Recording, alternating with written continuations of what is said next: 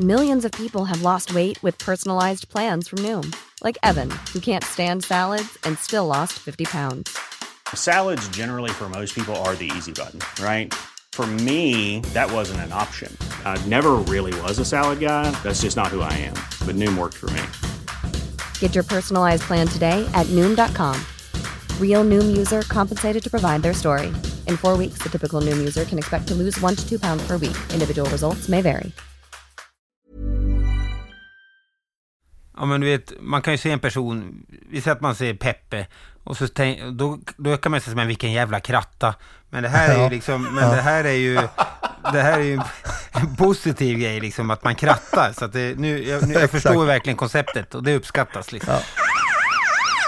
Hur var det här då? Hur var det här då? Hur var det här då? Hur var det här då? Hur var det här då? Ja, hur var det här då? Välkomna till dagens avsnitt av Hur var det här då? Ni kanske märker att det är en ny röst som välkomnar er idag. Inte en ny röst i podden, men en ny välkomnande röst. Peppe, du har lite koll på vad, vad som hänt med Micke, eller? Ja, stämmer. Jag pratade med honom precis här. Eh, han, liksom jag och, och Martin, eh, har ju drabbats av den här så kallade supportersjukan. Och det innebär att man mår jävligt dåligt eh, när ens lag då har eh, losat två raka matcher. Eh, vilket tyvärr är ett faktum. Det är ju för egen del den sämsta starten på 44 år. Det, det är ju helt anskrämligt dåligt. Men eh, ja, jag är frisk i alla fall. Eh, Martin är också frisk som ni kommer att höra lite senare. Men Micke har tagit det här lite hårdare. Så han har supportersjukan helt enkelt och kommer inte vara med på dagens avsnitt, tyvärr. Jag är frisk, men jag vill eh, påpeka, påpeka att jag är deppig. Inte bara Blåvitt, utan sen åkte ju Frölunda ut tyvärr i semin här också. Så att det är en tung eh, idrottstid just nu som råder. Mm. Ja, det är så. Två matchers förlust. Prova att vara Leksing ett tag så får ni smaka real pain. Ja, ja, jag känner med det lite grann. Ja, det syns också Martin att du är deppig. Du sitter, nu sitter vi och ser varandra i video, men du sitter i väldigt dunkelt ljus med någon slags eldflamma i ansiktet. Det ser faktiskt ser lite Lars Norén-sorgligt ut. Men, ja, men ja. det är sorg. Välkomna till dagens avsnitt i alla fall. Vi får se om vi klarar oss så gott som möjligt utan Micke. Jag ska göra mitt allra bästa. Eh, vad har hänt i veckan? Är det någon som har gjort något roligt? Martin? Eh, det har varit eh, mycket jobb. Det blir eh, mycket jobb när det är eh, här april-maj och sen så är det ju påsk och om man är polis på hissingen så handlar påsken om våra öar, Öckerö och Hönö främst, där det pågår det berömda grankriget. Det finns till och med Oj. en SVT-dokumentär. Freddy Wadling tror jag är berättarröst där. Och, eh, Vad fan det är, är det? Vad sa du? Vad är det för något? Ja, det är en grej som har pågått i, eh, väldigt, under väldigt lång tid, i väldigt många år. Och eh, det börjar vid jul då. Då börjar man samla på sig eh, granar. Och så har man, det finns olika fyrar då. Som man beroende på vart man bor och så tillhör man olika fyrar där då. Då är själva grejen att man ska göra så stor fyr som möjligt på påskafton. Så man samlar på sig så mycket granar man bara kan. Och det låter ju oskyldigt då. Och sen så bygger man en jätte, jättestor eh, brasa. Och sen så vid ett eh, klockslag då. Det handlar om att tända den så sent som möjligt eh, kan man säga. Så tänder man den och den som har störst brasa vinner. Så. Jag tror den, den bland de största var runt tusen granar man har fått ihop. Och det får man ju inte bara ihop genom att gå och plocka lite utan man stjäl ju naturligtvis av varann. Och genom historien har man ju gjort inbrott och, och det är rätt stökigt. Och sen då det som, det är ju ungdomar, unga män som är ofta problem med olika grejer som vi pratar om. Och då är det även eh, sen eh, extrem fylla kan man säga. Och det kastas bangers och det kastas eh, eh, nödraketer och skjuts raketer bland ungdomar och barn och grejer. Det är allmänt eh, kaos under några dagar där. Så att det har vi fokuserat på. Hur nära varann ligger de här högarna? Är det liksom 25 meter från varandra eller nej, på, på nej, det är olika det sidor av ön? Lite lägre. Det är ju Öckerö hönor där så det är ju inga jätteavstånd men det är ju ändå en liten bit ifrån. Men det är ju, det är ju inte bara där utan det är ju längs hela kusten här så är det ju sådana här fyrar. Men det är ju där som det blir mest uh, stökigt. Men är man längs kusten, västkusten här uh, vid påsk så kan man se sådana här fyrar på massa olika ställen. Men där så är det ju, det spårar ur och det är ju Tyvärr markägarna vill inte ha det heller och man från kommunen försöker jobba bort det och från polisen också. Vi får ha ganska stor resurs där och det, genom åren så har man haft mycket, man har haft eh, både metall, och olika eh, vätskor, då, eh, kemikalier för att få bra fyr på det och diesel och man eldar ju allt möjligt. Så att det är ju, man har gjort mätningar på marken där så är det ju miljögifterna där, det är ju inte roliga. Man förstör mycket där. Men det är svårt att stoppa. Nu i, under påsken så var det en massa skadegörelse på eh, kommunhus och skola och grejer som man kan tänka sig var någon form av protest mot att man har varit ute i media och pratat om det här att man behöver förändring och sådär. Så det är ett, eh, ja, ett stort problem det, det, är alltså, det lät till en början, när du sålde in det så lät det som ett riktigt problem. När du började prata om det så lät det som ett låtsasproblem, men när du avslutar nu så är det ju fan, det är ju helt sjukt. ja, men det är sjukt. Och det är ju det är ju väldigt accepterat eftersom de eh, barnen, som barnen och ungdomarna som håller på med det nu, deras föräldrar höll själva på eh, med samma och deras föräldrar i sin tur höll också på med det. Så att det blir ju någon form av acceptans att man bara tycker att ja, ja, det är så det alltid varit. Men Svensk det är ju ändå, ökultur. Ja, precis. Och det blir ju någon, ja, det blir väldigt udda där. För de tycker själva kanske då inte att det är något problem. Medan eh, från andra myndigheter så man ser eh, miljöproblemen och vi ser ju såklart fylla och vi hade till och med en polis som, eh, som blev påkörd med som tur var lättare skador när man försöker stoppa en bil. Och det är allmänt, det blir liksom lite laglöst, allmänt kaos där ute. Eh, ja. Så att det är lite problem där. Så det har vi ja, det var inte, på. Det var intressant. Eh, det får vi nog... det ska jag aldrig glömma den historien om öarna. Peppe, har du hittat på något? Nej, det har inte varit mycket hålligång på den här sidan. Jag sköt upp med MP5, alltså vårt förstärkningsvapen här i, i veckan. Det är väl det det mest roliga och det som sticker ut lite grann. I övrigt så har jag åkt på de larm som har inkommit. Nej, inget speciellt sådär. Det ser inte som att du gick lite dåligt i bild. Vill du berätta om din rygg igen?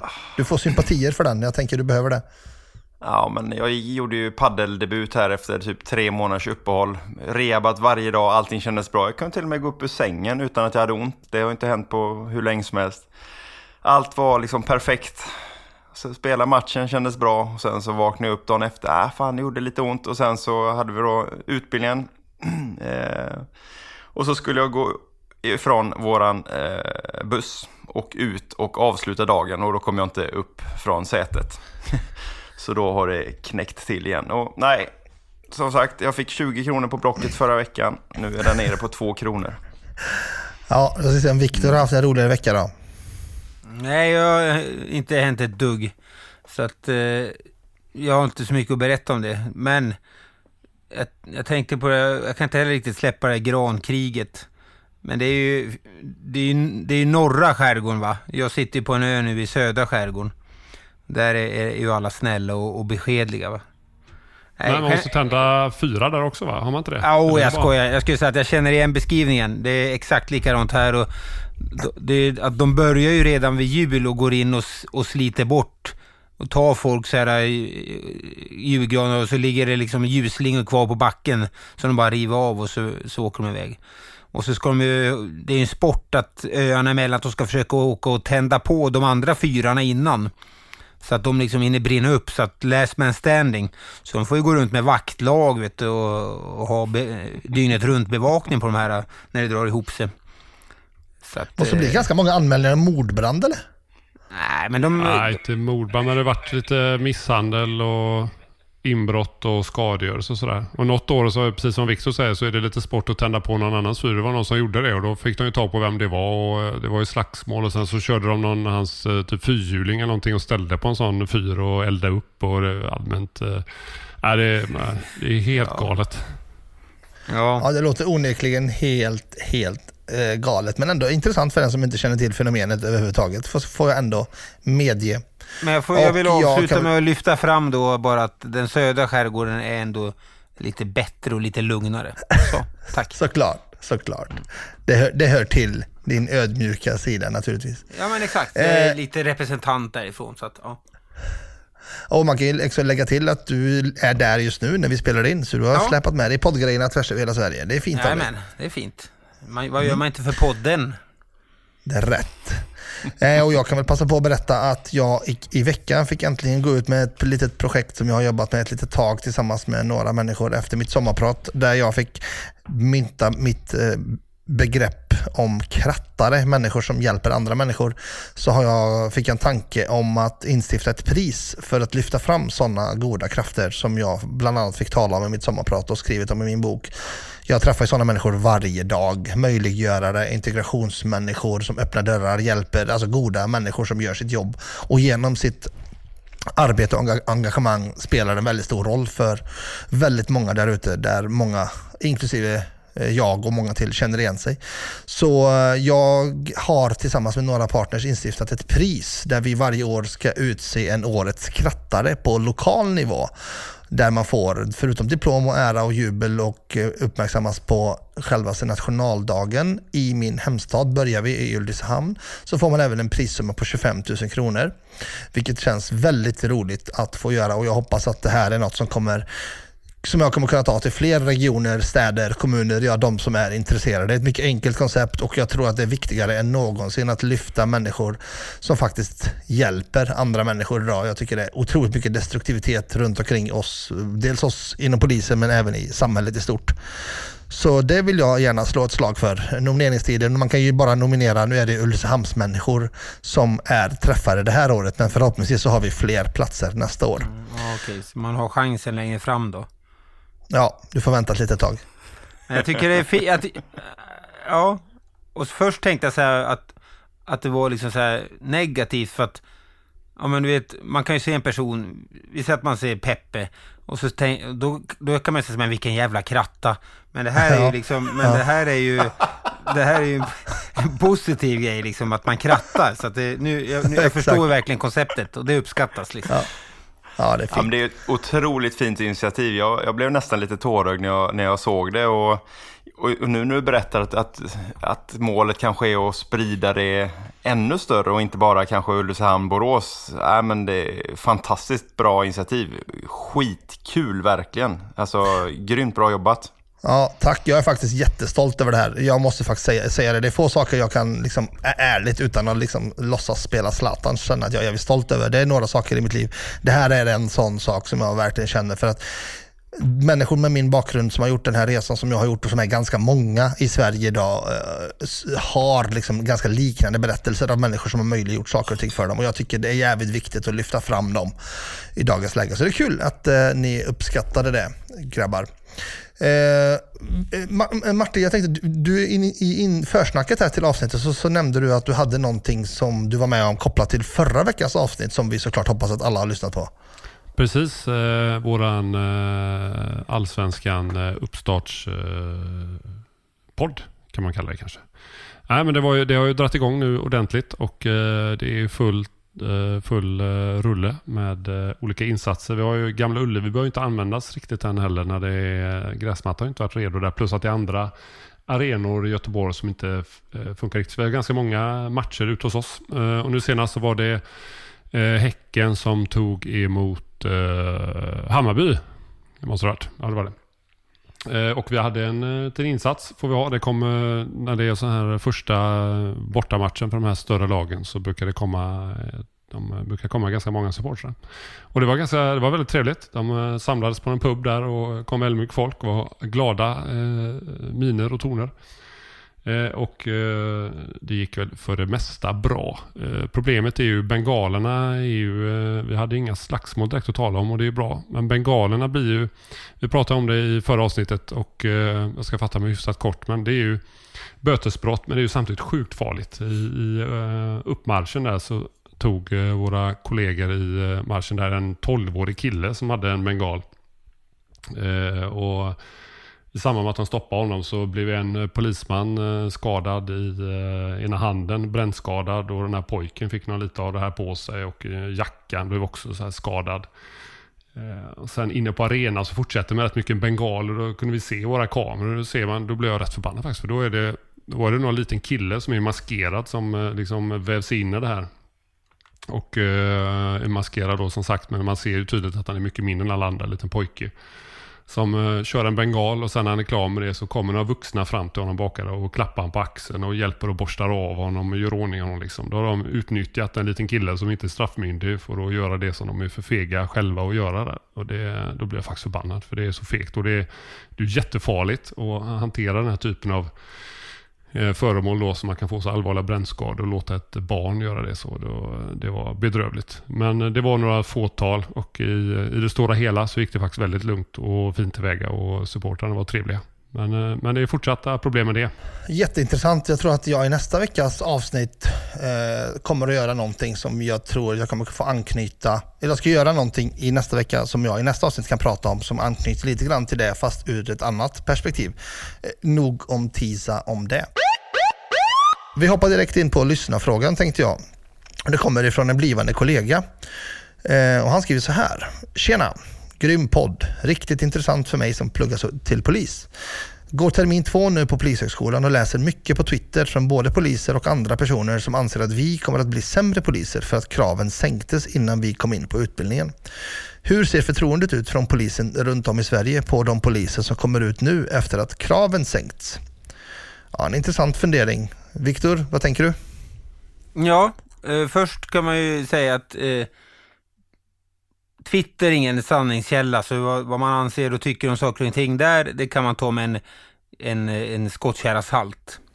Eh, för egen del så, eh, jag, jag, tycker det är som vanligt, det är ömsom vin, ömsom vatten på de som kommer ut.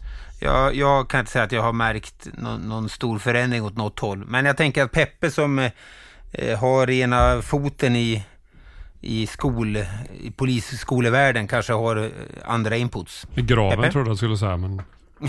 Nej, fack, fack, ena foten är facket och andra i skolan och noll i verkligheten, men ja. Ja, men, men, ja, men ser man rent statistiskt så, så, är det ju som så att vi eh, fler blir eh, underkända och eh, vi har lite fler förlängningar nu den senaste tiden. Eh, så så sett, rent statistiskt, så, så ja, jag skulle säga att, att vi, vi, får kanske ut lite, lite svagare polisstudenter. Men överlag så är det ju det är ju bra studenter som kommer ut, det ska man liksom absolut inte tro något annat. Eh, och de höga topparna, de är, de är precis lika höga och bra som, som, som tidigare. Men det jag kan uppleva, eh, det är nog att, att Dalarna, de är, kanske är lite djupare och lite fler än tidigare. Eh, och, och, är, det, är det procentuellt ja. säkert, eller inte säkerställt, men jag tänker nu när vi tar in fler så borde det också rimligtvis bli fler som blir underkända och förlängda, tänker jag. Alltså rent matematiskt. Eller mm, är, det, ja, är det ändå fler ändå, tänker du? Ja, det är inte, det är inte bara rent statistiskt utan också i, i antal om man säger. Eller ja, det blir, okay. det blir ju samma grej där. Men, nej, men jag, ja, vi brukar se någonstans en, en ja, 6-8% av de som kommer ut blir förlängda och av dem, ja, ser man det i stort så är en 4-5% som då blir underkända. Och, det är ju, det är ju jävligt trist eh, och jag tror att det, det, kan bero på, på många saker. Dels så eh, Ja, men förr så var det en konkurrens bland, alla, bland alla som, som klarade testerna. Idag är det ju som så att alla som klarar testerna kommer in på polisutbildningen. Eh, och sen eh, kan jag tänka mig att ja, skolorna, förutsättningarna på skolorna ser väldigt olika ut. Vissa mm. skolor eh, visar framfötterna mer och lägger ner mer energi. Kanske också har bättre personaltäthet, personaltäthet, äh, bättre personaltäthet och verkligen ja, men ge sig an på, på att, att, få ut bra kollegor och andra kanske inte tar samma ansvar skulle jag säga. Eh, och sen ett stort problem är ju att vi eh, när de kommer ut har instruktörer som har jobbat, ja, vi har varit inne på det lite tidigare, jobbat 6, 7, 8 månader, ett år, ett och ett halvt ibland. Alltså det, det, är ju inte en jättetrygghet att luta sig tillbaka på, även om vi såklart har många duktiga kollegor som är unga. Men det blir inte den tryggheten och erfarenheten och, och guidningen på samma sätt. Men, men, som svar på hans fråga, han ska ju liksom inte vara orolig för att han kommer ut eller att vi ser sämre på, på dem som, som kommer ut. Absolut inte, men, men frågan är fullt befogad och jag får den ofta och, och allt oftare ska jag säga än tidigare. För det, sånt här sprider sig och det finns en oro på skolorna. Eh, tyvärr så är det så. Jag tycker att det är, jag är i min egenskap av handledare så är det faktiskt en av de vanligaste frågorna jag får just om ha, alltså, ha, vad tänker ni om oss? Så att samma sak som frågeställaren och jag tycker det måste vara en rätt jobbig känsla att gå runt med vad tänker liksom framtida kollegorna om? Men man är ju ängslig som fan som det är som ny polis. Och sen en annan aspekt som jag vill lägga in det är ju den delen som handlar om ja, den lilla kampen som jag håller på med också, lite brinner för mångfald och inkludering och de frågorna. Det är också en del som jag får rätt mycket frågor om. Hur ser man på oss? Hur välkomna är vi? Liksom när man tänker också allmänt utifrån ett samhällsperspektiv där allting har blivit mycket kallare. Så att det spelar nog roll, liksom en osäkerhet kring framtids, framtidsyrket. Men det är jävligt tråkigt att framtida nya kollegor ska känna en ängslighet inför, inför det. Men annars så håller jag med dig Peppe, det du sa. Martin, vad har du för take på det? Nej, men jag tror det finns ju, jag förstår det och det finns ju befogat där. Det finns ju inget som säger att eh, sänker man kraven eller tar bort vissa delar så det, det kommer, de kommer inte bli bättre de vi tar emot. Eh, så blir det. Det finns ju ingenting som blir bättre av det. Men jag tycker, eh, som ni varit inne på, de som kommer till oss nu, jag känner ingen skillnad på dem mot, mot andra elever. Utan det är, de är ju duktiga och de är väldigt engagerade och intresserade. Och, och, det är en bra blandning, både mångfald och vi hade Eh, det var rätt fantastiskt. Eh, vi hade en eh, SAO-elev då, eller en sån som var ute på fältstudier. Då gör man ju andra terminen på polisutbildningen. Han är 58 år gammal och kom ut på fältstudier hos oss. Och har alltså den här och två terminer kvar. Jag såg sen att han var med i ett reportage i GP och berättade just om hans resa där. Varit VD och bra jobb och bra inkomst och sen så bara vill byta yrke. Så att, nej, jag känner mig inte så orolig. Det är de här skriverierna och jag tycker det är... Eh, ta inte för hårt. Man är ju ändå sin egen person och han kan bara liksom prestera det bästa han kan göra. Eh, och, och, fokusera på det och inte på vad andra tycker. Även om det är, det är lätt att säga, men jag tycker det är så man måste göra. Eh, tycker jag. Ja, jag tror att man måste skicka med dem att eh, ja, med all förståelse för att känslan kan vara lite liksom man har svårt för det så måste man liksom, att de är väldigt välkomna och eftertraktade. Verkligen. Det måste alla försöka komma ihåg tror jag. Absolut. Och Martin, du, du är ju inne på det här med, med SAO-veckan, alltså fältstudieveckan. När vi pluggade då hade vi en fältstudievecka per termin.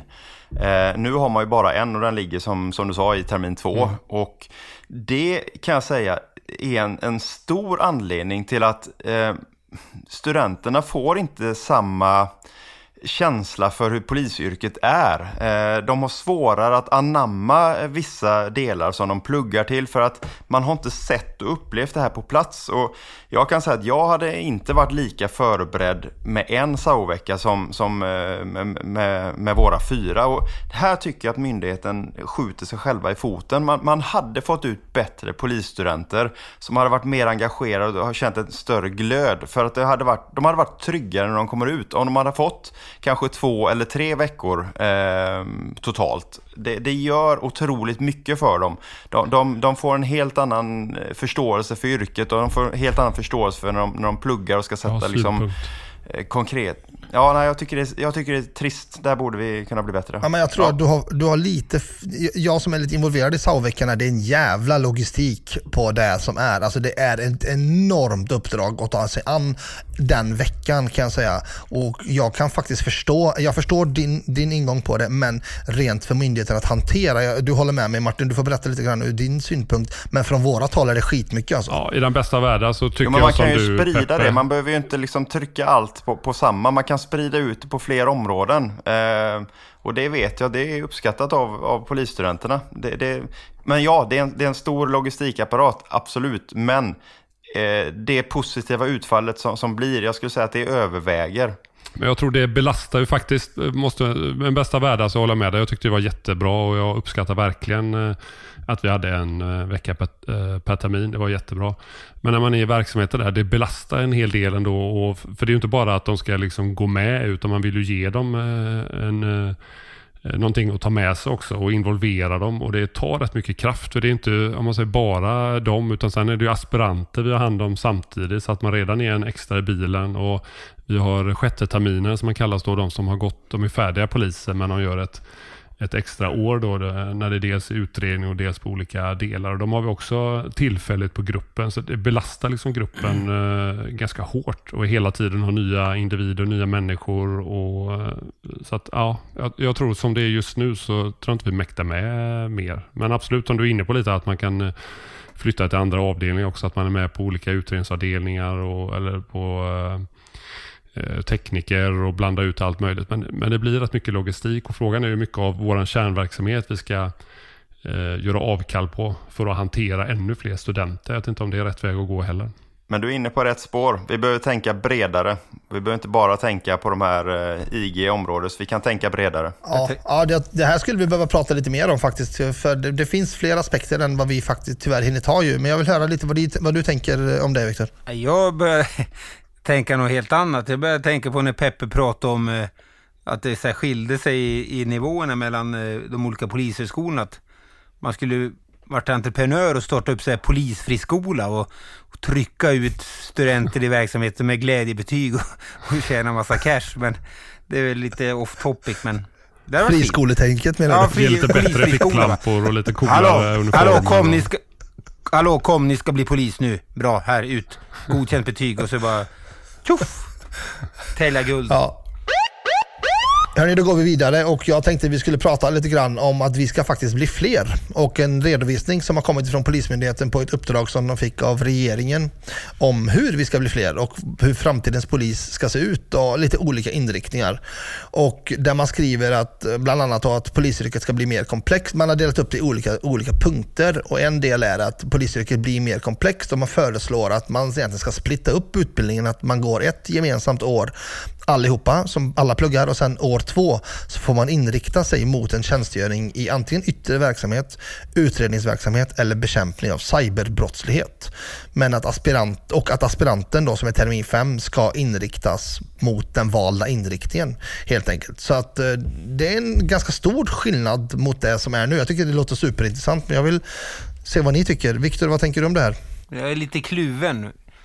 Jag både förstår och inser vikten av att vi får liksom en bredare kompetens på, även på de sökande och får med specialkompetenserna i form av cyber och Millions of people have lost weight with personalized plans from Noom. Like Evan, who can't stand salads and still lost 50 pounds. Salads generally for most people are the easy button, right? For me, that wasn't an option. I never really was a salad guy. That's just not who I am. But Noom worked for me. Get your personalized plan today at Noom.com. Real Noom user compensated to provide their story. In four weeks, the typical Noom user can expect to lose one to two pounds per week. Individual results may vary. Och allt det här. Men jag, och då, det är bra att man liksom försöker få upp det och få in fler sådana och knyter till sig. Men, och alla, alla ska inte behöva gå liksom i, i ordningspolisspåret kanske, eller som det är lite nu. Men jag är också lite orolig att det blir, kan bli så här lite A och B-polis-tänk och liksom, jaha, han gick den utbildningen och ba ba ba ba ba sådär. Så att, jag vet inte, kluven. Mm, Peppe? Nej, men jag är extremt emot det här. Jag, jag förstår faktiskt inte hur man tänker. Det kunde jag ana att du var. Ja, nej, men, nej, men det här känns som, som ett... Eh, man har suttit, eh, jag ska inte säga, man, jo jag ska säga, man har suttit så här på fredagskvällen lite halvfull, bara nu ska vi få, få fram några jävla massa poliser här, hur gör vi? Nej, men det är helt, helt, helt ogenomtänkt. Eh, med den enkla anledningen att Eh, dels så behöver vi en bred bas att stå på. Vi behöver eh, poliser som, som eh, kan hoppa in både på, på, på det ena och andra stället. Med det här så, så, så, får vi extremt nischade poliser. Ja, vi kommer förmodligen kanske få lite bättre poliser lite, lite varstans. Men jag bara tänker på, på, på det här när vi har en skadad kollega, när vi har en gravid kollega, när vi har kollegor som vill byta spår. Hur tänker man att det ska gå till? Alltså, när vi inte ens idag kan få våra FAP-reglerade typ tre dagars utbildningar per termin för att personalläget är som det är, eh, det saknas instruktörer och så vidare. Hur tänker man då att man ska kunna karriärväxla eh, med allt vad det innebär eh, eh, vad gäller utbildning. Jag, jag tror att man får en inlåsningseffekt som inte kommer vara positiv. Eh, nej, jag, jag, jag, jag helt emot. Det, det här känns eh, fullständigt ogenomtänkt. Ja, Martin? Ja, jag är nog någon slags, eh, jag är inte, inte fullt så eh, emot som eh, Peppe är. Men jag tror ändå, vi har inte, det är ju inte det att vi har, polisen är en femårig lång utbildning. Det är ändå en ganska kort utbildning som man kan istället bygga på. Att man har grunden som polis och istället bygger på. Eh, och vi har redan nu så eh, anställer vi civilanställda för att det är såklart man, vissa eh, expertis behöver vi och de behöver inte gå polisutbildning om man inte är ute och agerar i yttre tjänst eller gör andra rent polisiära sysslor utan att man sitter med något annat nu vad det kan vara om det är cyber eh, eller vad det är, eh, något annat. Eh, så att nej, jag tycker nog att man inte ska göra så stort och drastiskt. För att jag tror bara vi komplicerar det och låser in olika eh, personalgrupper. Eh, så att man inte har den förflyttningen och det fina som är med polisyrket. Att det är många yrken i yrket som man kan eh, eh, växla och ändra efterhand. Men jag tycker man ska göra det med påbyggnadsutbildningar. Och vi har dessutom FPU-utbildningen där vi får in olika specialister av olika former. Eh, som är en, en liten del av det här. Nej, mm.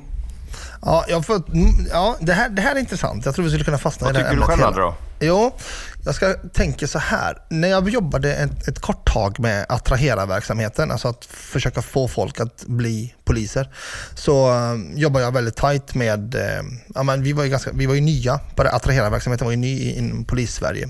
Och då lärde vi oss ganska mycket ifrån Försvarsmakten.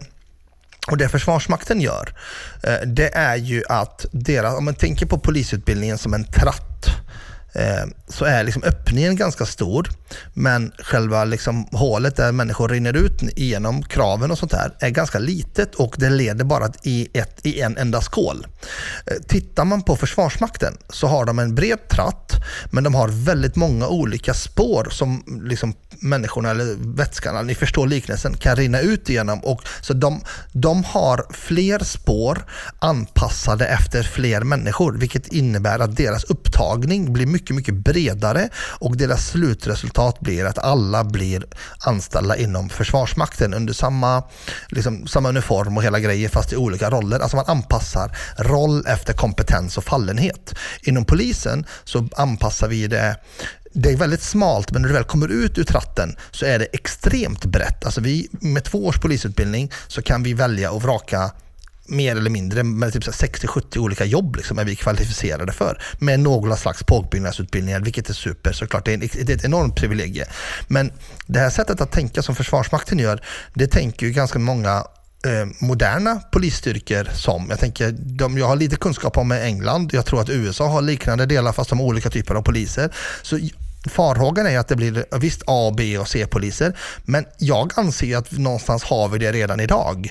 Eh, den splittringen har vi någonstans redan idag och då tänker jag att om vi får en bredare poliskår, jag är för det här förslaget. Jag tycker det låter bra eh, för att det blir mer anpassat efter individuella fallenheter och cyberbrottsligheten som vi ser totalskena, som vi inte har några som helst, eh, vi, har, vi har inte kapacitet för att hantera den som den är nu och allting pekar på att det kommer bli värre.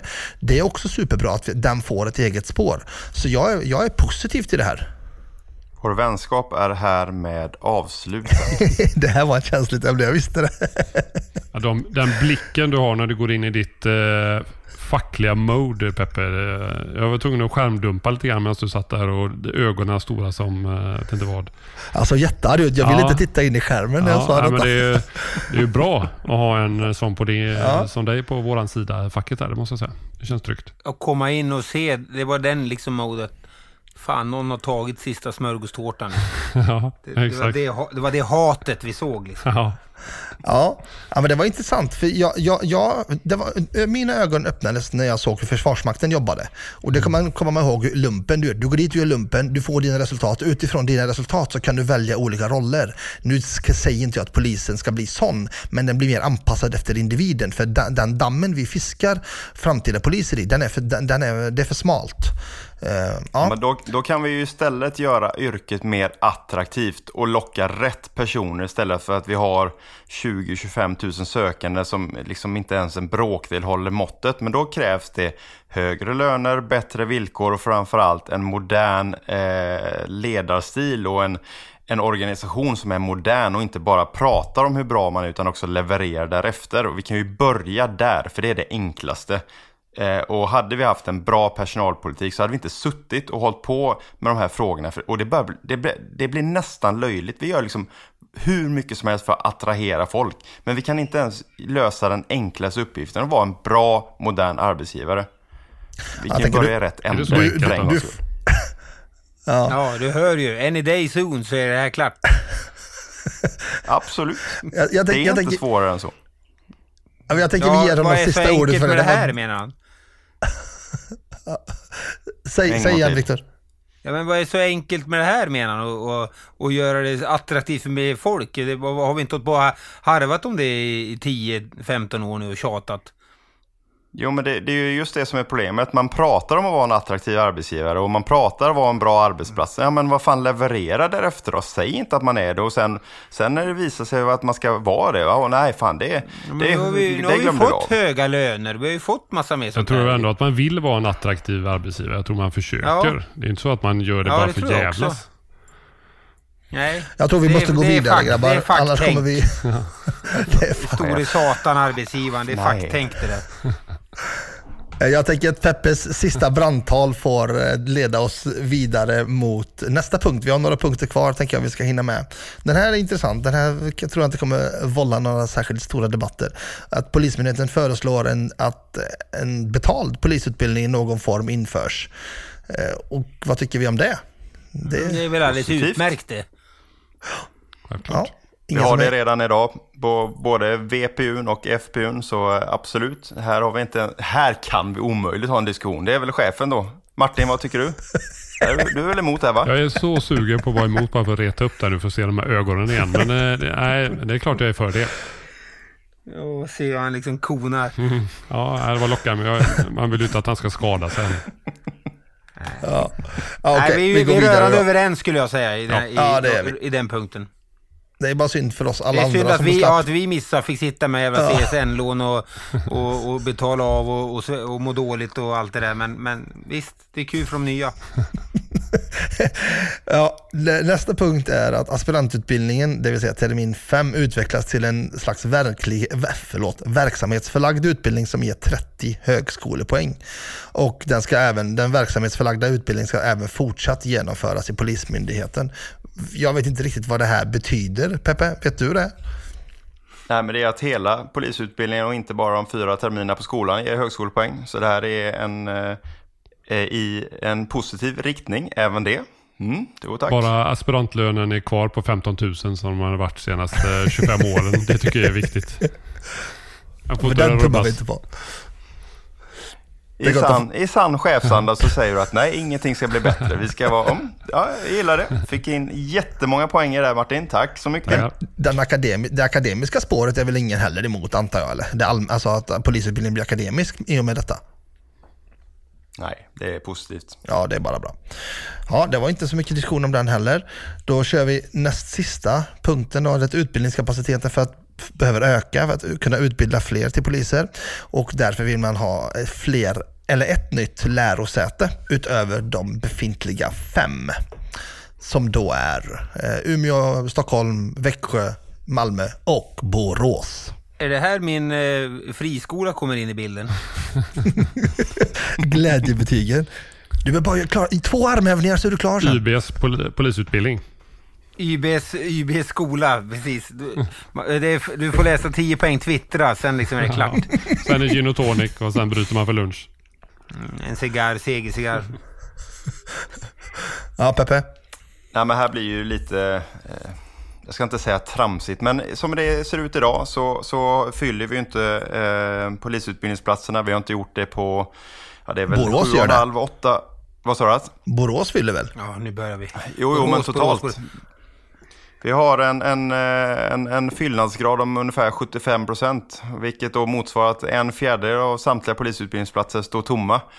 Eh, och nu kan man då plugga på campus, man kan plugga på distans, man kan jobba under tiden eh, med, med då VPUn, eh, FPUn som är också betald, alltså eh, med ett litet snabbspår. Nu, nu pratar man om någonting som heter DPU, alltså distansplugg på lite eh, långsammare fart. Eh, alltså, det räcker med, med de, de varianter som finns. Jag tycker liksom att gör det riktigt bra på de ställena istället för att starta upp ytterligare en. Ja, tanken är god, vi ska bli fler och, och, så, men när vi inte ens fyller platserna, då, då känns det lite så här, alltså du kan bo i stort sett var som helst i landet och ändå liksom få bra och goda möjligheter. Gör det bra av de ställena vi har, börja fyll platserna och sen så kan vi börja snacka. Vi har liksom inte fyllt platserna på sju och ett halvt, åtta år. Eh, vi är inte ens i närheten. Men jag tänker med de här nya förutsättningarna med alltså fler, fler trattar eller fler ändar på trattarna, liksom, att det kommer bli en, någon slags dammluckor, att man kanske behöver ta höjd för det. Ja, jag, jag, jag är tveksam. Ja. Jag är tveksam. Nu ska du få höra Nadim. Mm. Nu ska du få höra här. Jag är helt enig med Peppe i denna punkt. Helt Oj. enig. Wow. Ja. Jag tror ex, han har, jag säger att han har huvudet på spiken. Det går, varför, öppna, varför öppna en till när det liksom när vi inte, det finns förutsättningar? Vi har inte skapat de förutsättningarna och vi, en till skola kommer inte att skapa de förutsättningarna heller. Nej, nej, tillbaks till ritbordet. Bra, det låter inte resurseffektivt. Ja, nej, där, kom chefs, eh, där kom chefs eh, touchen på det hela. Resurseffektivt ska det vara. Ja. ja. Och Viktor, tack för dina fina ord. Det, det, det, är bland det finaste jag hört dig säga. Ja, jag har aldrig sett dig så glad jag, jag, må, jag, jag, må hacka, jag må hacka på honom. Jag må hacka på honom ibland, men man ska även berömma honom när han förtjänar. Så att, du fick honom att le. Ett, ett historiskt, historiskt ögonblick i podden. Verkligen, han ler. Jag har skärpt upp det leendet nu. Det kommer ut på Instagram sen. Jag, jag, tror faktiskt att jag fick en liten febertopp här. ja, okej, okay, sista, sista punkten hörni, den tror jag kan bli ett, den, den kan bli, den kan nog vålla lite, lite, lite diskussion. Det står, eh, eller man, man föreslår särskilda åtgärder för att främja tillväxt av poliser i svårrekryterade områden. Och jag utgår ifrån här att svårrekryterade områden kan vara allt ifrån eh, särskilt utsatta områden och som, såväl som landsbygd, liksom, där vi har väldigt svårt att få till poliser. Vad har vi för tankar där, Martin? Nej, men det känns ganska okontroversiellt. Det är klart att det är bra att vi ska locka eh, fler av eh, delar av medborgarna som inte brukar söka, vad det nu är för anledning. Antingen att det känns långt borta och att man inte känner sig... Eh, ja, om man tänker vissa invandrargrupper som kanske har dåliga erfarenheter av polis eller dess föräldrar har dåliga erfarenheter av polis. Men sen också då glesbygd. Så det finns väl bara positivt med det, tänker jag. Mm, Peppe? Jag skulle vilja eh, faktiskt syna den här punkten. Eh, och, och, eh, faktiskt, jag tror att det här kan bli, bli ganska intressant. Jag skulle vilja veta mer vad de menar med de här särskilda åtgärderna. Eh, för det är ju som så att vi har eh, vissa områden som är svårrekryterade. Eh, och ska man nu se, se på det liksom sådär i stort som man kanske inte tänker på så, så är ju hela Stockholmsregionen ett svårrekryterat område på så sätt att Stockholm är den enda regionen som inte har blivit fler sedan omorganisationen. Eh, det skulle inte förvåna mig om, om myndigheten tänker så, för man har ju ofta ett Stockholmsperspektiv upplever jag. Eh, men det här, jag skulle vilja se de särskilda åtgärderna. Det här, jag tycker att det är intressant. Eh, mm, jag är positiv. Igen. Känns mm. konstigt. Viktor? Jag har inget klokt att säga om den punkten. Det, det låter bra. Eh, såklart att nå ut i områden där vi inte har framgång. Och jag, tänker, jag är också väldigt nyfiken på de här eh, särskilda åtgärderna. Jag menar, när jag klev in i Attrahera-uppdraget så hade jag som uppdrag att dels öka antalet sökande lokalt, men ett subuppdrag som ingick att öka antalet sökande med någon slags annan etnisk bakgrund. Och det jag kunde konstatera, vilket gjorde att jag tappade stinget efter ett år, det är ju att antalet eh, människor som söker till oss med annan etnisk bakgrund är ju representativt för befolkningen. Det är utfallet i andra änden som inte blir representativt och då är det någonstans däremellan som någonting fallerar. Och den saken lär ju knappast bli bättre eh, när vi ska rekrytera i svårrekryterade områden såsom förorter med människor med annan etnisk bakgrund och så vidare. där med tanke på den nya säkerhetsprövnings Eh, remissen eller förslaget som har kommit ut och allt sånt där med människor med annan anknytning verkar ju få det betydligt svårare att kunna bli poliser eller jobba med andra säkerhetsklassade saker. Vi får se vart det här landar men någon, no, någon slags liksom skruva åt tumskruvarna är ju nödvändig. Eh, det är alla överens om men sättet som föreslås nu är ju problem och det kommer ju skjuta totalt hål på det här skeppet som försöker lanseras.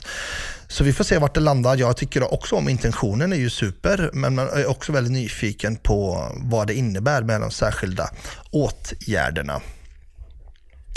Ja, inte särskilt mycket oenighet ändå får man väl ändå säga. Lite grann brann det till där bland de olika spåren, men det finns nog lite mer att prata om tror jag faktiskt.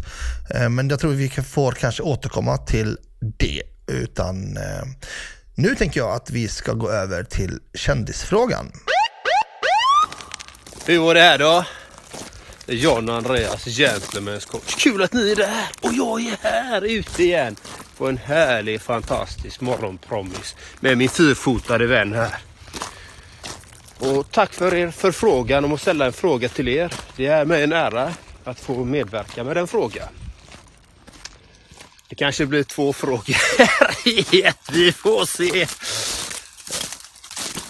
Så som samhället så som jag upplever samhället just nu. Det känns lite som att vi är tillbaka på Al Capones tid i USA på 1940-talet. Och jag vet inte om det här stämmer överens med eran bild. Men på den tiden då hade han ett miljardimperium per år som han omsatte. Den här maffiakungen. Och på den tiden så hade rättsväsendet, polisen och tullverket där ont om resurser, verktyg och kunskap om hur de skulle hantera den här illegala verksamheten som Al Capone bedrev. Där människor sköts till döds mitt på ljusa dag. Precis sånt som händer här i vårt samhälle idag. Så min fråga till er, fantastiska, unika, vackra själar på rättsväsendet. Och även en målare i eran podd också, han får vi inte glömma. Vad har ni, hur upplever ni det och vad har ni, har ni, upplever ni att ni har fått bättre resurser, verktyg än vad ni hade för tre år sedan? Eller står ni och stampar på samma fläck? Det är egentligen min fråga till er. Har ni fått bättre verktyg, resurser för att göra ert jobb så bra som möjligt. Det var min fråga och jag önskar er en helt magnifik, fantastisk dag. Och ta vara på ert unika liv. För Vi har fått en gåva och det gäller att göra det bästa av det livet vi har fått. Så all kärlek och välgång till er. Och glöm inte att just ni är unika, magnifika, fantastiska! Sätt igång! Ni vet precis vad ni ska göra. Ha det gött så länge. Ja, John Andreas, Gentlemen's coach, tack för frågan. Eh, alltid ett nöje att lyssna på dig i din harmoniska röst. Intressant fråga. Viktor, vill du börja? Ja, jag skulle väl, min bild är, och det är väl fakta, att vi har ju fått ganska mycket mer resurser nu än för tre år sedan och verktyg och allt vad det är. Det är inte det som är problemet riktigt. Eh, och det är de kritiska rösterna, om man ska uttrycka sig så. Jag såg bland annat en eh, idag från Christer Thelin som sa att eh, riktade sig till justitieministern och sa att det är inte nya lagar och eh, resurser till polisen som behövs. Det är en eh, tydligare styrning eh, att få polisen på rätt köl. Och jag undrar om det inte ligger lite i det än, trots allt.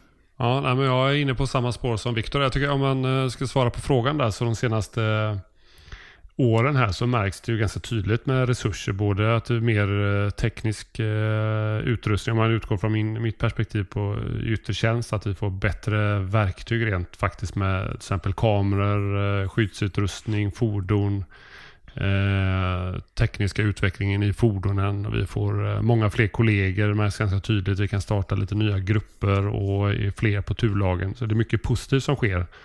Eh, och man också går in lite mer på eh, evidensbaserade eh, arbetsmetoder. Eh, men det som haltar, det är precis det som, som Christer är inne på där. Att styrningen, som jag tycker då, det är att man låter eh, vissa eh, välja lite fritt. Så att alla kör inte enligt det som vi vet fungerar. Vi har en, en tydliga direktiv som jag tror jag varit inne på tidigare från, från NOA hur vi ska jobba i bland annat de här särskilt utsatta områdena. Men eh, alla jobbar inte efter dem, eh, den devisen. Jag får, får dagligen, eh, på så här, men ofta i alla fall rapporter från kollegor som är uppe och förstärker, till exempel i Stockholm, där man inte har alls samma eh, lagkänsla upplever de. Eh, att man, har, man ser liksom till, som vi försöker tänka på i Göteborg, ett ärendets bästa. Eh, utan man ser man har fortfarande lite revir eh, och pratar inte kring mellan olika grupper, mellan olika områden för att få ärendet så bra som möjligt. Utan det är fortfarande att man gör lite som man själv vill. Och där behöver vara tydligare styrning tror jag. Bättre chefer som genomdriver de beslut som har fattats. Ja, men det jag tycker är positivt om, om vi nu ska lyfta det, och det är ju att vi faktiskt har en enig riksdag som är tämligen överens om att vi ska bli fler poliser. Eh, och ordentligt fler poliser. Eh, det jag saknar dock är adekvat handling för hur vi ska bli det. Det har ju pratats om sen åtminstone ja, men egentligen eh, 2017 när, när sossarna ordentligt dunkade handen i bordet att nu ska vi bli fler, vi ska bli 26 200 poliser till, till slutet 2024. Eh, så det är positiva tongångar. Det jag saknar är adekvat handling för att faktiskt nå dit och det tycker jag inte mig se eh, fullt ut. Ehm, och sen så, jag efterfrågar fortfarande en, en modern lagstiftning. Jag skulle vilja ha ja, men, hemlig mm, avly, avlyssning till, till exempel för att komma åt de grovt kriminella. Vi ser ju att vi har, idag har fängslat mängder med, med grovt kriminella, men det är ju tack vare andra länders poliskår och deras lagstiftning med, med Encro och Anom och allt det här. Eh, så det finns ju mer att göra i de frågorna. Men sen så är ni, ni är ju inne på rätt spår hur vi ska bli bättre. Ja, men en bättre styrning rent polisiärt, det är ju ett måste. Eh, vi, vi får inte ut full effekt av den organisation som, som vi har. Eh, och jag tänker på dig Nadde, vad tänker du? Förutom kanske det brottsförebyggande som du, som du brinner för, vad, vad känner du?